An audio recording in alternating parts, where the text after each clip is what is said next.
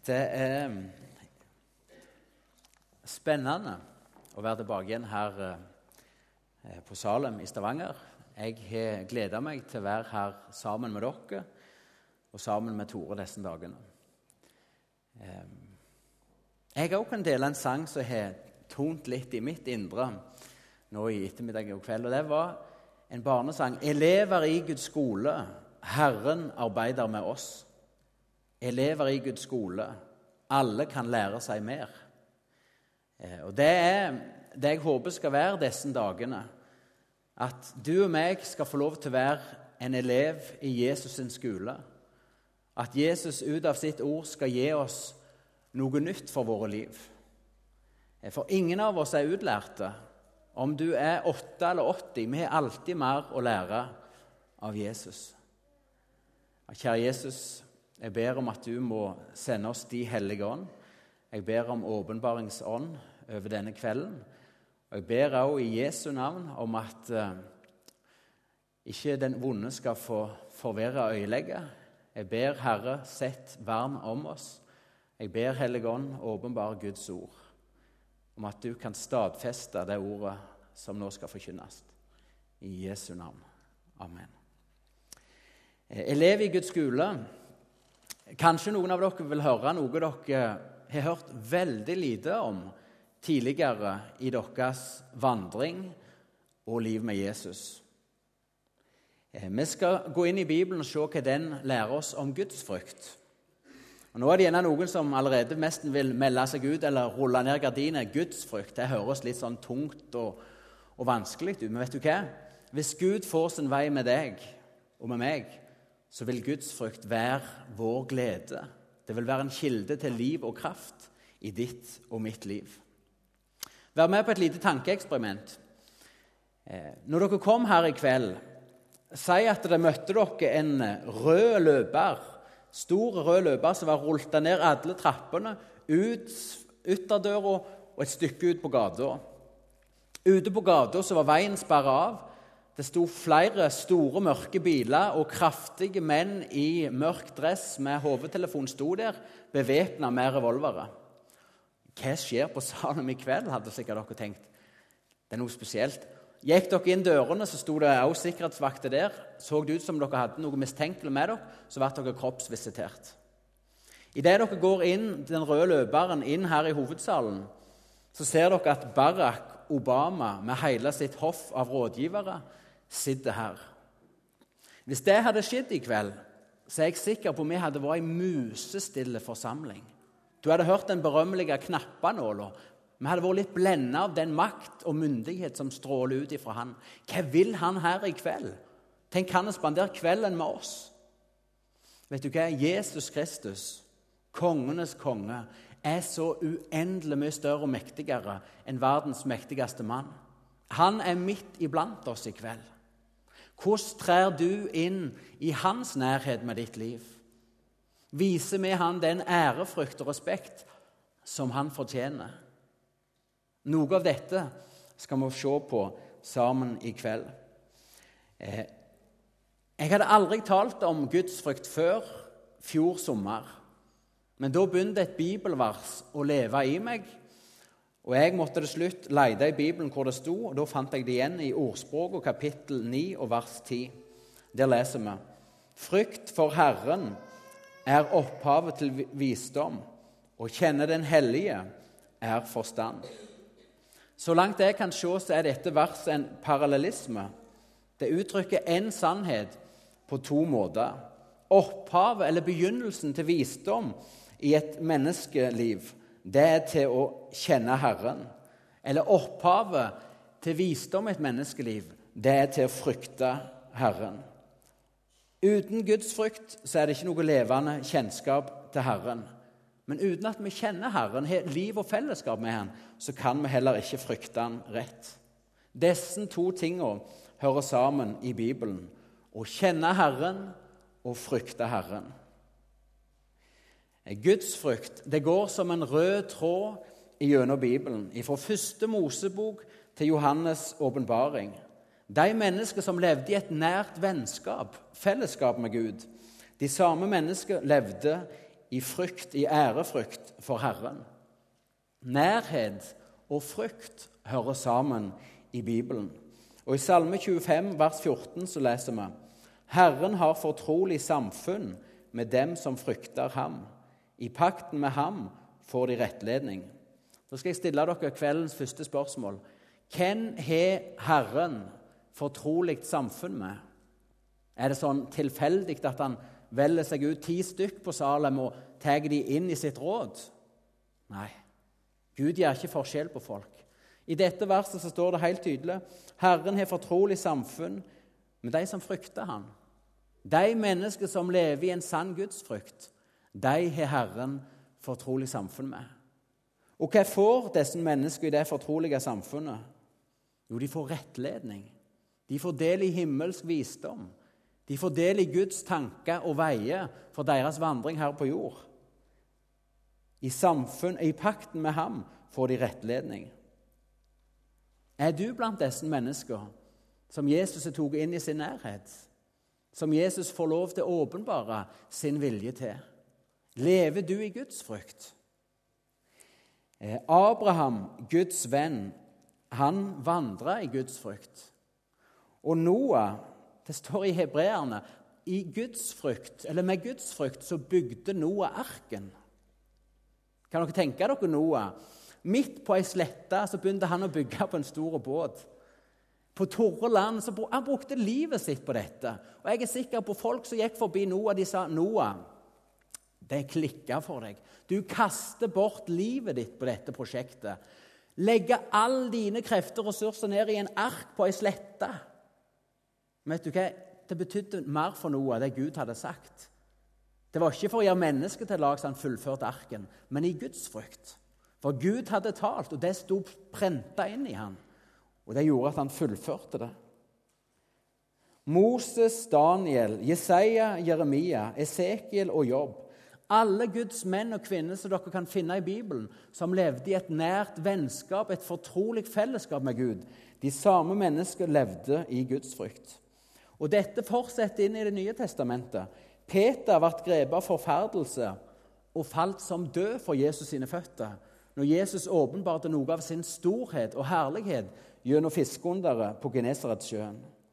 Og det kom frykt over menigheten og alle som hørte det, når Gud dømte og strafte Ananias og Safira for deres løgn. Og disippelen Johannes, han som lå inntil Jesus sitt bryst med det siste måltidet, han som hadde et ekstra nært forhold til Jesus, han falt som død om for Jesus sine føtter når Herren åpenbarte sin herlighet for ham på øya Patmos. Bibelen sier, og det får dere på skjermen nå, jag etter Guds frykt. Øv deg heller i Guds frykt. Vis alltid iver for gudsfrykt. Gudsfrykt er med andre ord noe vi skal jage etter. Det er noe Gud vil du skal streve mot, søke etter. Gudsfrykt er praktisk, det er noe du skal øve deg i, og du skal alltid vise iver for.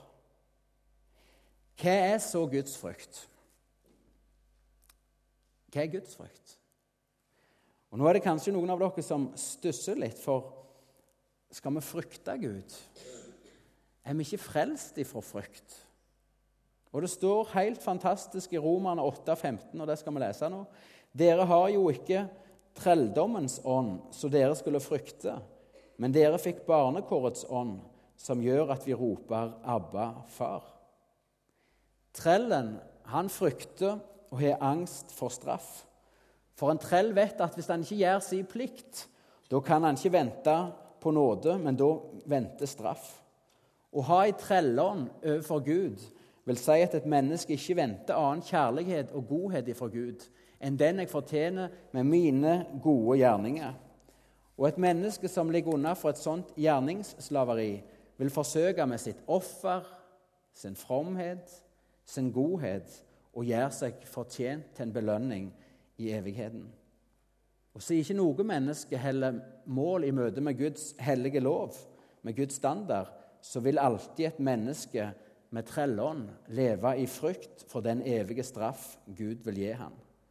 Å ha ei trellånd overfor Gud får et menneske trekke seg vekk ifra hans lys, ikke til å søke inn i hans nærhet.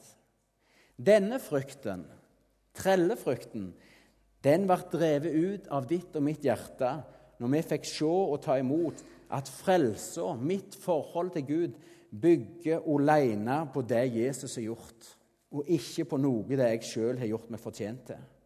Å være en kristen og få være et Guds barn bygger på den sannhet alene at Gud for Jesus skyld, på grunn av Jesus, tilgir og erklærer en ugudelig synder for rettferdig. Og når du ble et Guds barn, da fikk du barnekårets ånd.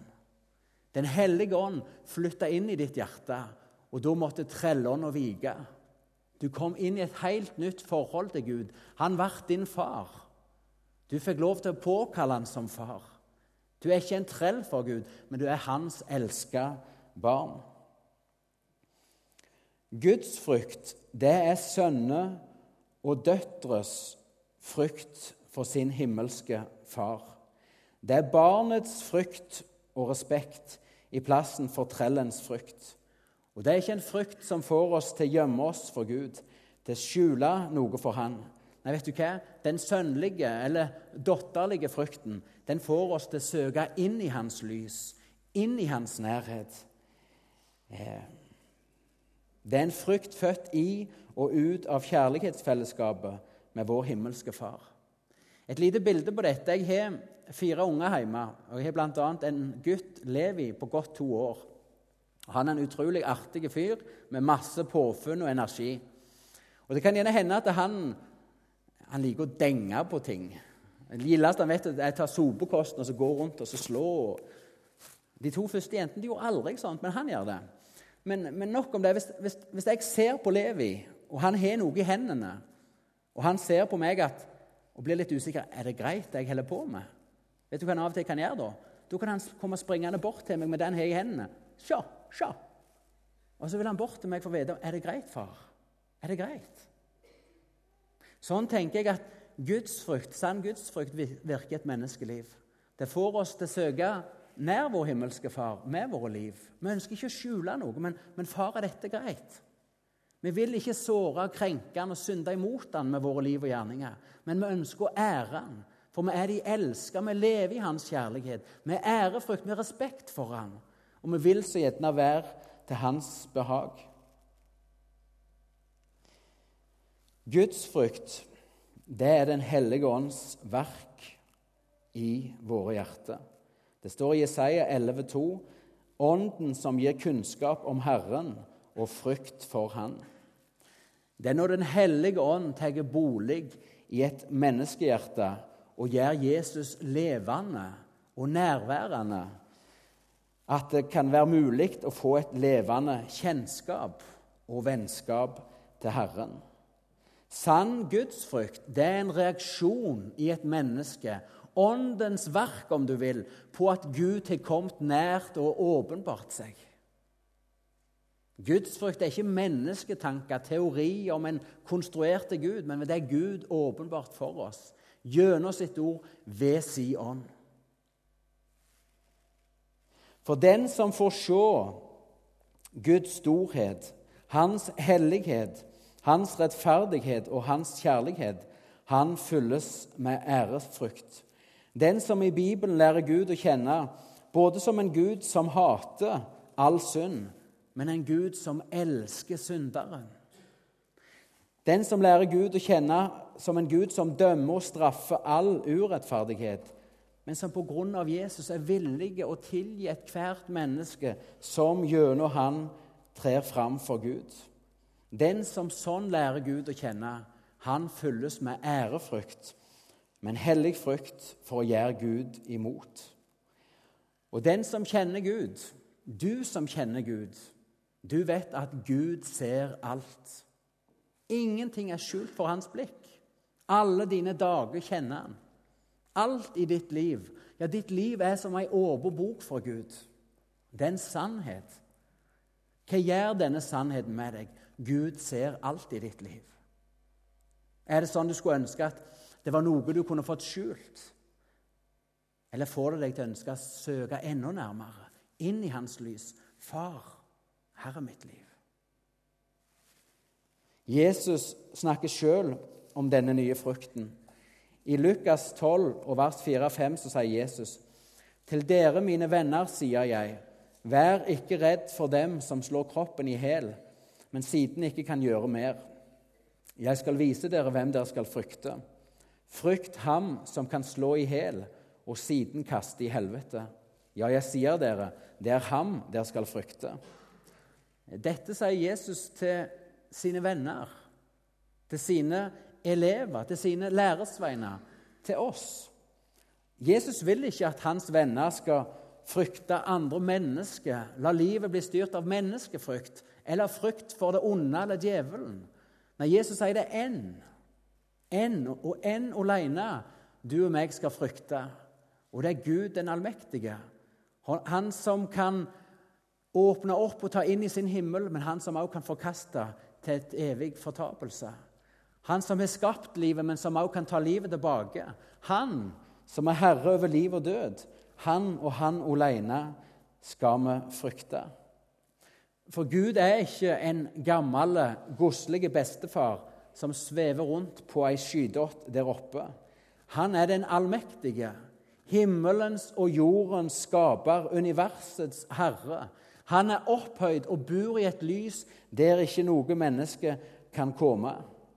I Jesaja 45, 12 så står det Jeg spente ut himmelen med mine hender. Vær med meg litt på den tanken. Gud sier at jeg, altså Gud, spente ut himmelen med sine hender.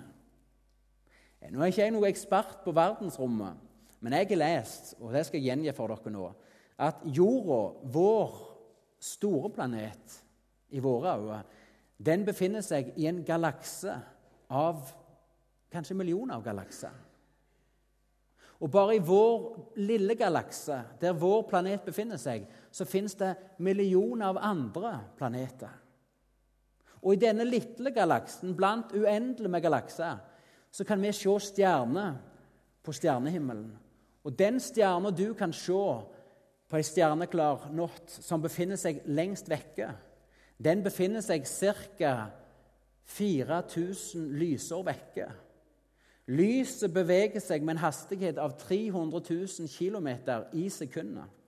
Og det vil si, Hvis du i kveld går ut og ser på den stjernen som er lengst vekke Det lyset som når ditt blikk eller øye i kveld, det har beveget seg siden Abraham vandra omkring på denne jord med en fart på 300 000 km i sekundet før det når deg ditt øye i kveld.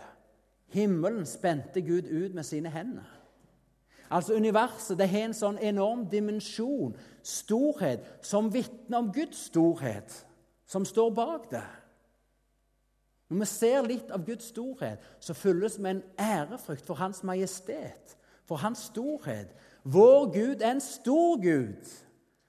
Han er ikke et speilbilde på oss, men han er den allmektige.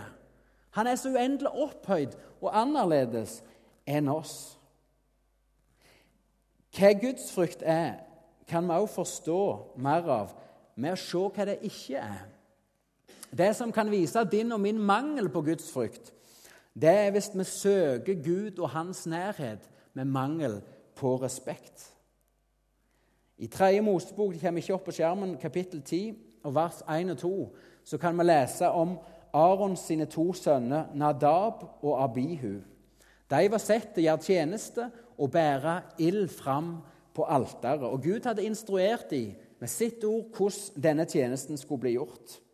Det står at disse to sønnene bar uinnvidd, eller fremmed, vanhellig ild fram på alteret. Stikk i strid med Guds befaling og Guds ord. Kan hende så tenkte disse sønnene at ah, ild er jo ild. Kan det være så nøye? Han får jo ild på alteret. Men vet du hva? Gud var ikke fornøyd. I Guds eget ord har vi fått et advarende eksempel mot å sette Hans ord til side og søke Han med manglende respekt.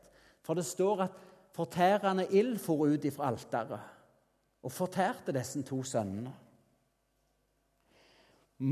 Det viser oss at å søke Gud med mangel på respekt det er et risikabelt prosjekt for et menneske. Gi Han ære. Bøy dere for Hans ord. Det står i Bibelen at du er gitt dine påbud for at de skal holdes nøye. Salme 119. Gud har behag i at du er nøyeregnende med Hans ord. Mangel på gudsfrykt viser seg i manglende ærefrykt for det Gud har kalt hellig, og manglende ærefrykt for den hellige Gud. Og Et avgjørende testpunkt for ditt liv og mitt liv det er hvordan vi behandler Guds hellige ord. Det Gud har sagt, det Gud har instruert oss. For i vår tid så har det blitt litt sånn at uh, Gud har sagt det, men Men Det er så utrolig lett å si 'men' nå for tida. Gud sa det, men Gud tilpasser seg. Gud trekker det litt tilbake.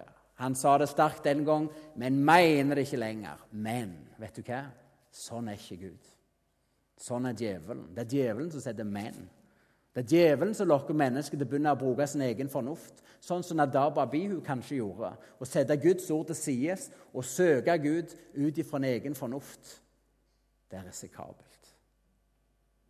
Hvordan behandler vi Guds vilje, de ti bud? Hvordan heller du hviledagen hellig? Den Gud har spandert et eget bud på hviledagen. Lys den hellig, velsigna. Det Gud har velsigna lyst hellig, det skal ikke vi tråkke ned. Det skal ikke vi gjøre vanhellig. Hvordan behandler vi med våre foreldre? Viser vi dem den respekt? Hedrer vi dem?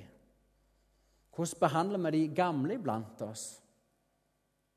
Hvordan behandler vi de med makt og myndighet som Gud har satt over oss? Hvordan behandler vi Guds hellige folk? Hvordan behandler du det Gud har lyst hellig, dine brødre og søstre i troen? Det du gjør mot en av disse, det gjør du mot Jesus. Hvordan behandler vi det Gud har lyst hellig? Det er med å avsløre og vise om vi lever i Guds frykt. Og det er en utbredt villfarelse blant mange kristne i dag at Guds nåde gir et menneske en frihet til å forkaste Guds bud og vilje hvis det ikke oppleves som rett for den enkelte. Det er slangeverket, den samme slangen som lokte Eva, som frister mennesket i dag til denne villfarelsens vei, som ender i fortapelse.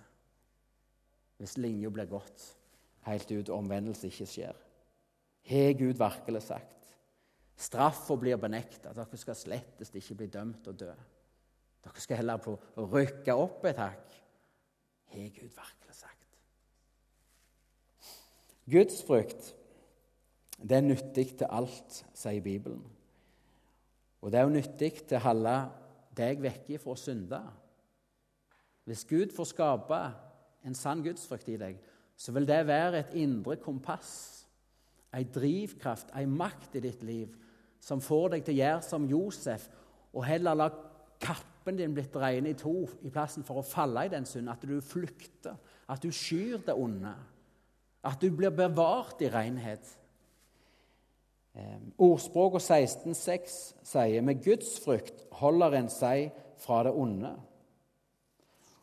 Og i 2. Mosebok 2020 så står det Vær ikke redde. Det er for å prøve dere Gud er kommet, og for at dere skal ha frykt for ham, så dere ikke skal synde. Legg merke til hva Moses sier.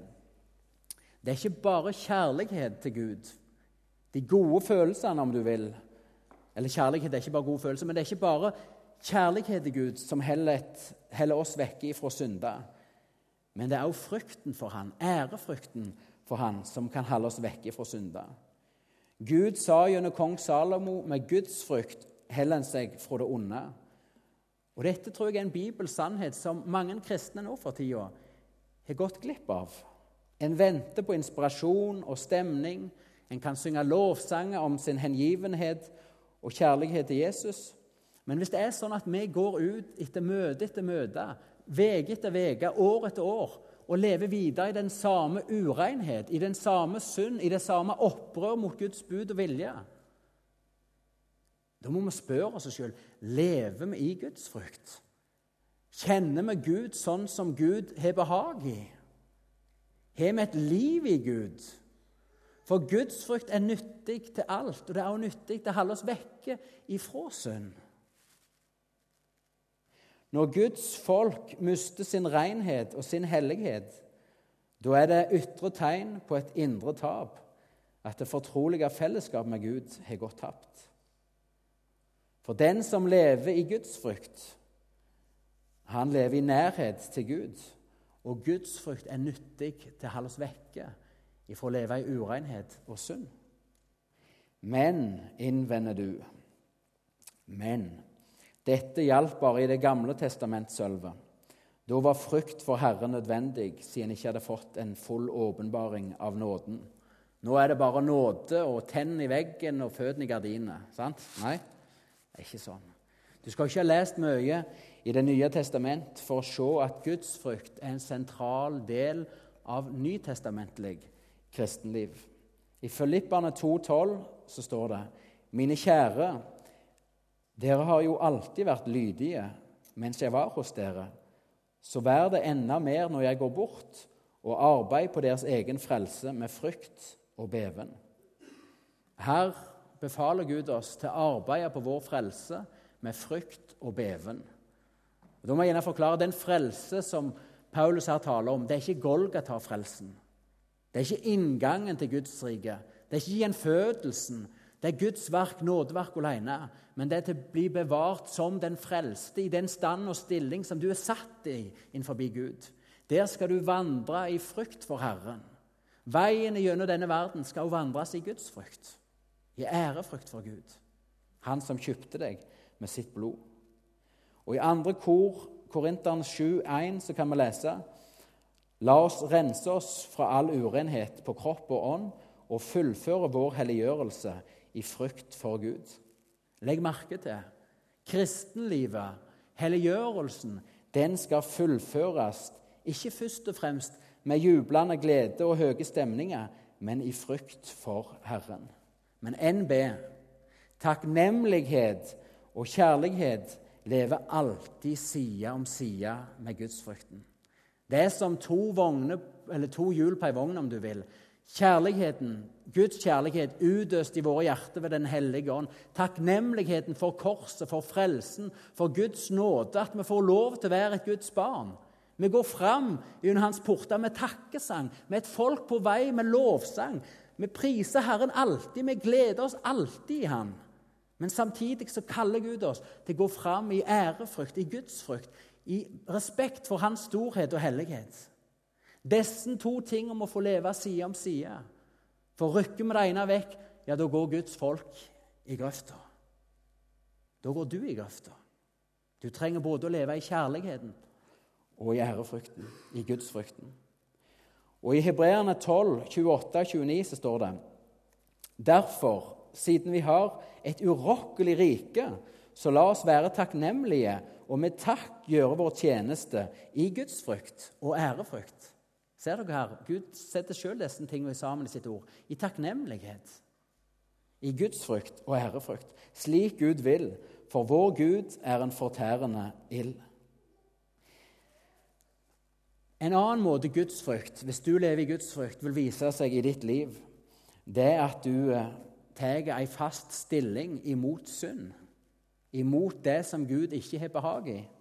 Og I ordspråket 8.13 så står det Frykt for Herren er å hate det onde. Det vil si at gudsfrykten viser seg i de og mi holdning til synd.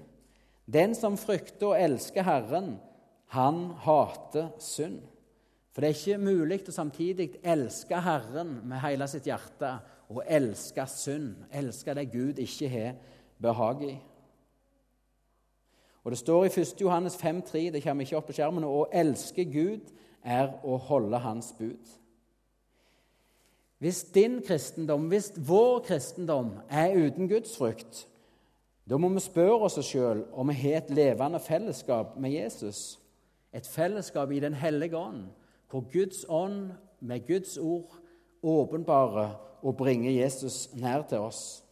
eller om vår kristendom bare er mennesketanker, menneskeverk, religion, eller om det er liv, liv i Gud og liv med Gud. For Bibelen advarer oss, Guds eget folk, mot å lage oss avguder. Ja, men Da slapper dere av og tenker avguder. Det er avleggs. I Norge så vi heller ikke på med trestøtt og gullkalver og Vet du hva? Det er utrolig mange avguder i Norge. Og det er utrolig aktuelt for ditt og mitt liv. Og Guds eget folk Israel er et skremmende eksempel på det. På at selv de utvalgte kan lage seg en avgud. Og I 2. Mosebok 32 der kan vi lese om israelsfolket.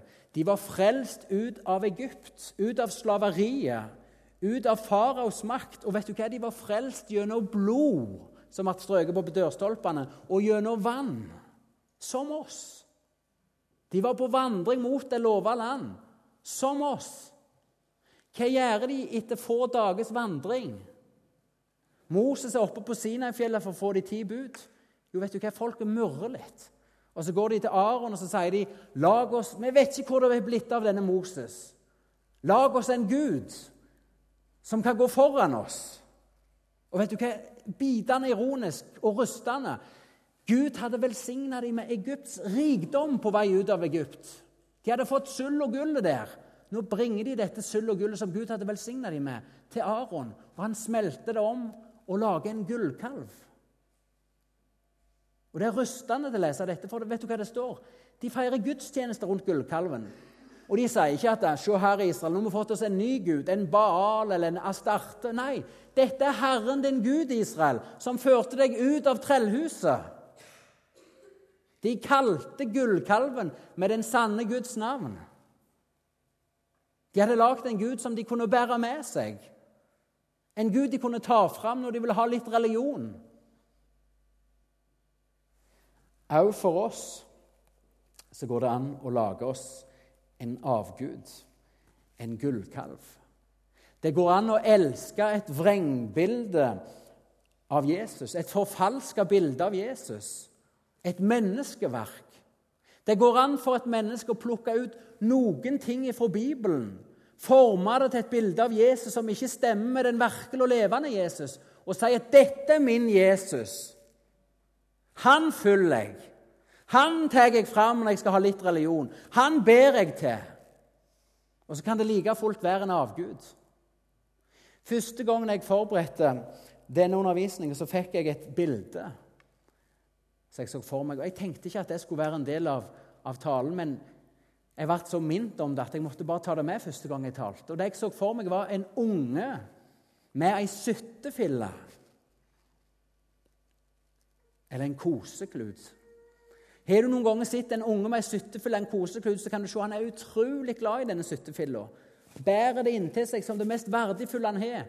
Koser og heller det nær til seg. Og prøver du å ta det ifra han, så skal du se at ansiktet blir forvrengt. Han kjemper imot. En unge kan bli utrolig glad i ei syttefille. Og vet du hva ei syttefille er? Det er bare en erstatning for det virkelige, for det ekte. Når en unge kan bli så glad i ei tøyfille, hvor glad kan ikke da et menneske bli i en avgud? Hvor glad kan ikke da en kristen som lager seg en avgud, et vrengbilde på Jesus, bli i den Jesusen? Min Jesus. Et vrengbilde et menneskeverk. Hvis din Jesus ikke tar det så nøye med synd, da er det ikke Bibelens Jesus, den virkelige Jesus, som kan frelse. Men da er jeg redd for at din Jesus er et produkt av mennesketanker, ønsker og erfaringer. Hvis din Jesus bare er kompis, kamerat og kompanjong, da må du spørre deg sjøl lever du sammen med Bibelens Jesus, som er kongenes konge, som er herrenes herre, som er veldig Gud, majestet, fredsfyrste, som nå bor i et lys der ikke noe menneske kan se, som er omgitt av herlighet, som uavbrutt blir tilbedt i himmelen, som har all makt i himmel og på jord. Den virkelige Jesus elskes og fryktes av alle som i sannhet har lært han å kjenne. Han er vår bror, et sant menneske, vår beste venn, men han er òg vår Gud, så uendelig opphøyd og annerledes. Den virkelige Jesus, Bibelen Jesus, han refser og tukter, han trøster og han oppmuntrer. Han er Guds sønn, ikke et menneskeverk. Hvis din far i himmelen alltid er fornøyd med dine valg og gjerninger og applauderer deg hver en ny dag, da er det ikke Bibelens Gud du taler om. For han tar seg av og tukter den sønn han er kjær. Han ber deg i sitt ord om å vandre i frykt, om å gi akt på deg sjøl, om å vise utholdenhet, så du kan fullføre løpet, så han kan få berga deg hjem. I vår tid Jeg vet ikke hvor aktuelt det er her inne, men jeg innbiller meg det er aktuelt. I vår tid så er respekten for det hellige vekke. Og vi står i fare for å gjøre Gud så alminnelig, så ufarlig, så lite annerledes at det er lite som minner om Bibelens Gud, som vi skal frykte og elske. La dette bli en advarsel til deg i dag. Ja, la det lede oss inn i sjølransakelse og bønn. Lever du i gudsfrykt? Er ditt liv kjennetegnet av gudsfrykt? Eier du dette nære vennskapet, fellesskap med Gud, hvor du får rettledning, hvor Han åpenbarer seg sjøl og sin vilje inn i ditt liv? Eller er din kristendom mest mennesketanke, menneskeord? Eller er det Guds sønn åpenbart av Guds ord ved Guds ånd? Jeg fikk også et annet bilde som jeg vil dele. Det var to ulike bilder på Jesus jeg så. To ulike måter å forholde seg til Jesus på. Det første bildet jeg så, det så jeg mennesker som kom til Jesus med sine synder. Og Det er jo i utgangspunktet en flott ting å komme til Jesus med sine synder. Men de hang sine synder om Jesus som smykke. Og I dette bildet så ble Jesus på en måte, han, han bar våre synder som smykke. Han ble, og det vil si når du tenker videre på den tanken, han ble et speilbilde på oss. Han, liksom, han gikk rundt som et klesstativ og bar våre synder. Det er et vrengbilde på Jesus. Det andre måten å se Jesus på, og vår synd i relasjon til han, det er at syndene er det som nagler Jesus til korset. De og min synd, det, det kosta Guds sønn livet. Og Bibelen sier at vi har dødd vekk ifra synd. Vår synd tilhører på korset. Vi må aldri gjøre Jesus til den ureine Jesus, til Jesus som er et speilbilde på oss. En gang for alle så lei han døden på korset. En gang for alle bar han de og min synd. Vår synd er nagla til korset. Som den oppstandende og herliggjorte Kristus så er han omgitt av et lys og en herlighet som slår oss til bakken når Gud velger å ville åpenbare det for oss.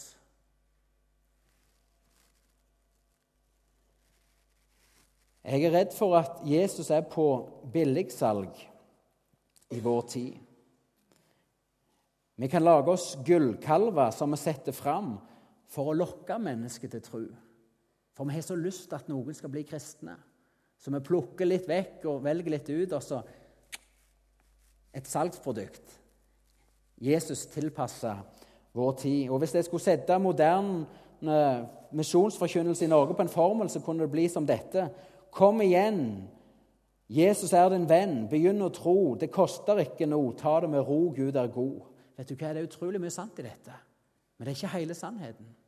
Gud kaller også til omvendelse. Gud kaller det helliggjørelse. Guds ord taler om dom. Men mye av dette er bare tatt vekk. Så jeg er redd for at vi blir agenter som skal selge en Jesus som, som er lett å selge. Jesus sier sjøl det fins ei grense for hvem som får være hans venner. I Johannes 15, 14. Dere er mine venner hvis dere gjør det jeg befaler dere. I vår tid er det litt sånn vi vil ha begge deler. Vi vil eh, vinne det nye livet uten å miste det gamle. Og det går ikke. Gud i himmelen tillater det ikke. Hvis vi prøver å lokke noen mennesker til tro uten de må gjennom korset, uten at de må miste sitt liv til Jesus Vet du hva? Den hellige ånd kan ikke føde dem på ny. Da kan vi reise landet rundt for å vinne et menneske som fortjener helvete dobbelt så mye som oss. Vi må miste livet til Jesus. Vi må gjennom korsporten. Skal nytt liv ifra himmelen komme? Skal vi bli nyskapt, bli gjenfødt? Da må et menneske miste sitt gamle liv til Jesus. Jesus, kom inn, frels meg. Her er mitt liv. Men i vår tid så vil vi gi mennesket muligheten for å fortsette sitt gamle liv, og så skal de få Guds liv på toppen. Og Samtidig er jeg også redd for at vi opplærer kristne til å kunne forkaste deler av Guds ord og ta vare på det som de vil, og samtidig fryde seg i frelsa. Vet du hva? Det går ikke. Det er ikke mulig. Kranene i himmelen blir skrutt av. Åpenbaringen stopper. Fellesskapet blir til slutt brutt hvis det ikke er omvendelse for denne måten å leve med Gud på. Noe som har vært veldig sterkt for meg noen uker tilbake, det kom som en setning i meg, og det var 'kraftløst salt som vil vinne verden med sukker'. For saltet kan miste sin kraft, sier Jesus. Det kan bli tråkka ned av mennesker av verden. og være uten påvirkning. Du i ditt liv, du kan ha mista krafta fra Gud. Du kan bli tråkket ned av verden. Verden kan overvinne deg. Og vet du hva? Hvis kraftløst salt fortsatt forsøker å vinne verden for Jesus, da må de gjøre det med sukker. De må lokke. For de har ikke lenger Guds kraft til å vitne, til å vinne verden. Men vi tror på en Gud som kan samle dette nedtråkka saltet og ånde sitt liv på det. Og gjelder det noen her inne Gud er mektig til å gi deg liv og kraft på ny.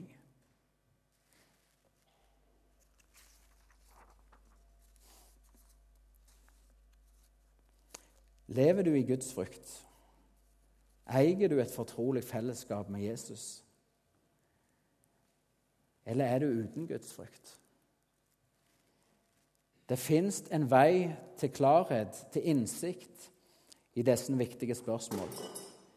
Og I Ordspråket 2, kapittel 2, vers 1-5, der leser vi Min sønn, ta imot mine ord og ta vare på mine bud, så du lytter til visdommen og prøver å forstå med hele ditt sinn. Ja, bare kall på forstanden og rop med høy røst etter innsikt. Let etter den som om det var sølv, grundig som når en graver etter skatter. Da skal du skjønne hva gudsfrykt er, og vinne kjennskap til Gud. Veien til gudsfrykt er åpen for ethvert menneske. Jesus sitt offer, hans blod, åpna denne veien. Og veien går gjennom Guds ord. Her er Gud vist en vei som du kan få gå, som vil føre deg til innsikt i Guds frykt som vil gi deg et levende fellesskap med Gud hvis du mangler det. Og Første skritt på denne veien det er til å ta imot Guds ord og Guds bud. Min sønn, ta imot mine ord og ta vare på mine bud. Der begynner det for oss alle. Du har hørt et Guds ord i kveld. Ta vare på dette ord. Ta vare på det som det Guds ordet det er. Ikke tråkk det ned eller riv det ifra hverandre eller prøv å forklare det vekk.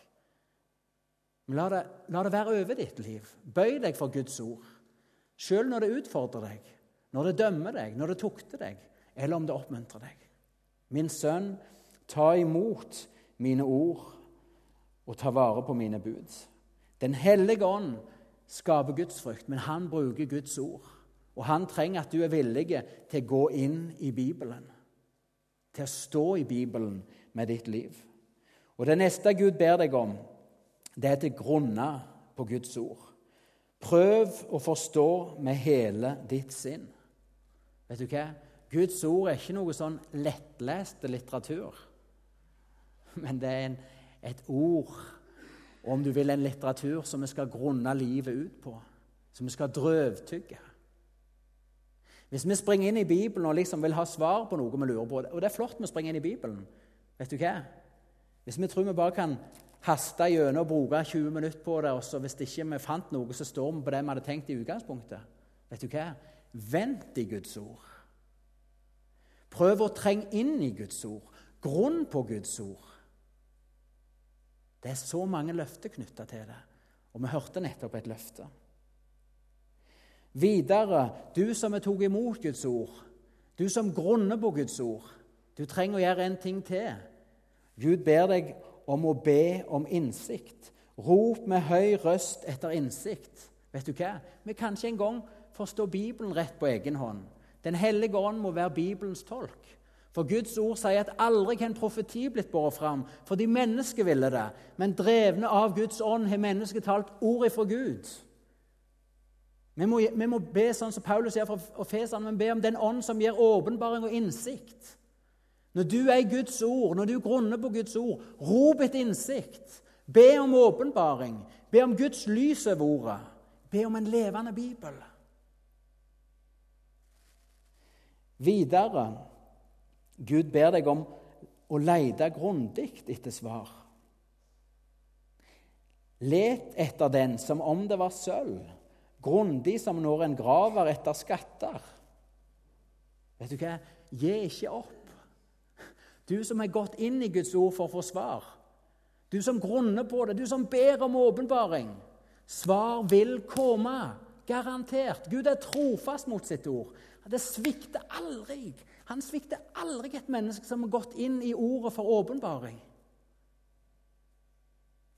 Hvis jeg visste at hjemme på gården min der er det noe jeg kaller for Kukjelva, og der er det en topp Hvis jeg visste at det lå en stor skatt skjult i den haugen, så hadde ikke jeg gått ut med ei spade, tatt to spadetak og så pirkla litt nedi molla jeg så ikke den store skatten.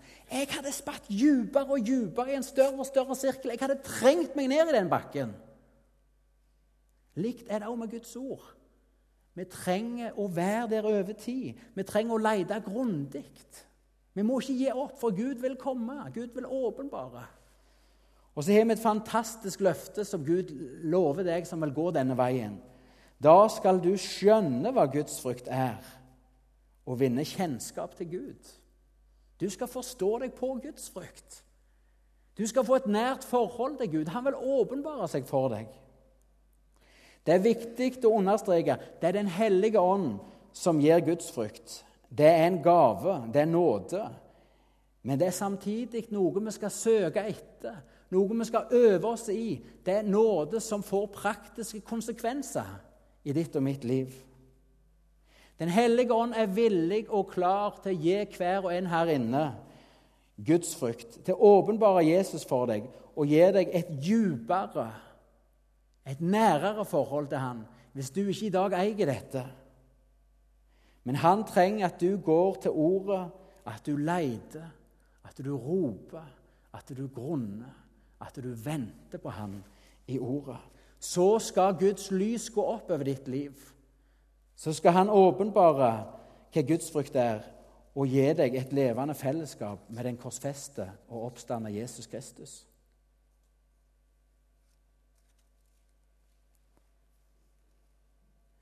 Hva vil du gjøre med det du har hørt i kveld, nå til slutt? Jeg vet ikke dette, hva dette betyr i ditt liv.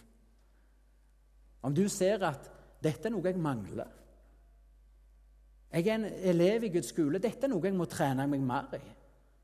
Eller at du kanskje ser dette trenger jeg virkelig å bli stille for Gud og spør Gud er jeg på den rette vei. Eier jeg det livet i Den hellige ånd? Eier jeg det levende fellesskap med Jesus? Eller trenger jeg å begynne på nytt? Eller trenger jeg å bli ført videre ifra der jeg er? I ordspråket 1.23 så sier Gud Vend dere hit når jeg refser, så lar jeg min ånd strømme ut over dere og gir dere kjennskap til mine ord. Det er hjerterop for Gud til deg i kveld, til oss alle. Vend deg hit. For det naturlige for oss mennesker, spesielt hvis vi blir irettesatt, og spesielt for oss voksne, det er at vi blir litt sånn betyttale. Vi skal jo tross alt vite best sjøl. Og så tar vi enten å vende oss vekk i stolthet, Det er veldig lett å gjøre det mot ektefellen òg. Vi vender oss vekk. Eller så slår vi blikket ned i skam. Oh. Vet du hva? Gud, Gud har en bønn til deg. Vend deg hit. Vend deg mot meg. Se inn. Se på meg, sier Jesus. Vend ikke, vend ikke ansiktet vekk i stolthet. Slå ikke blikket ned i skam, men vend deg mot meg. Gi meg rett når jeg tukter deg med mitt ord. Gi meg rett når jeg veileder deg med mitt ord. Kom. Det er en åpen invitasjon, samme hvor du er med ditt liv. Samme hvor du er i forhold til Guds frykt. Vend deg mot meg, sier Gud. Du skal få være en elev i min skole. Jeg vil ta deg videre ifra der du er. Forsøk ikke å skape dette alene og gå veien alene, men kom til meg. Og vet du hva Gud lover? Det er et fantastisk løfte. Så lar jeg min ånd strømme ut over dere og, der, og gir dere kjennskap til mine ord. Du som vil venne deg til Jesus når han tukter deg. Vet du hva? Han lar si ånd strømme over deg. Og han gir deg åpenbaring. Jesus lengter etter å gjøre det med hver og en her inne. Og la si ånd strømme over deg. Gi deg kraft. Gi deg den kraft som du trenger for det nye liv. Den kraft du aldri vil finne i deg sjøl. Og gi deg den lys og den åpenbaring menneskeskolering aldri kan gi deg og gi deg det fellesskap med Gud som du aldri vil kunne finne sjøl. Men han trenger at du vender deg mot ham og gir han rett òg når han dømmer deg for det livet som ikke er sånn det skulle ha vært. Vet du hva? Ta en beslutning i kveld. Du som ser og erkjenner at ut ifra Guds ord så har jeg levd i manglende gudsfrykt. Jeg har ikke vist den respekten for det Gud har kalt hellig. Ta en beslutning i kveld at du vil bekjenne din mangel på gudsfrykt som synd. At du vil venne deg til Jesus med dette i kveld. Og vet du hva? Du vil bli satt fri. I kveld, i denne stund, vil han tilgi deg. Og så skal du få et løfte som med sikkerhet vil bli oppfylt i ditt liv. Vend deg hit, så så lar jeg min ånd strømme over deg og gir deg innsikt i mitt ord. Vet du hva? Det nytter ikke å ta seg sammen i kristenlivet. Av og til er jeg rundt, så er det nesten som et hjertesukk for folk at å, inspirere oss litt, så vi kan holde ut et år til. Så vi orker å stå i dette litt lenger. vet du hva? Så mange ganger i plassen for menneskelig inspirasjon og litt sånn oppløftethet, så trenger vi omvendelse. Vi trenger å få lov til å komme tilbake igjen til Jesus. Vi trenger å få gi opp og få det til, for det er nøkkelen til å lykkes i kristenlivet. Dette gi opp og gi Gud rett. Det er dessen jeg ser i nåde til, sier Gud, de som kjenner seg knust av mine ord og skjelver. Vet du hva? Gud står fortsatt de stolte og vellykka imot. Og det gjelder også kristne. Men de ydmyke, de trengende, de som ikke klarer det, de gir han nåde. Salem er en stor og flott sal. Det er et godt utgangspunkt å ha, ha god plass. Men det hjelper lite hvis Jesus er trang plass i ditt hjerte. Gud fyller ikke først og fremst bygninger, men menneskehjertet. Gud fyller hjertet som skjelver for Guds ord, hjertet som kjenner seg knust, hjertet som vender seg mot Gud når han refser. Det er dessen Gud ser i nåde til. Det er dessen Gud lar si ånd strømme over. Er du blant deg? La oss be.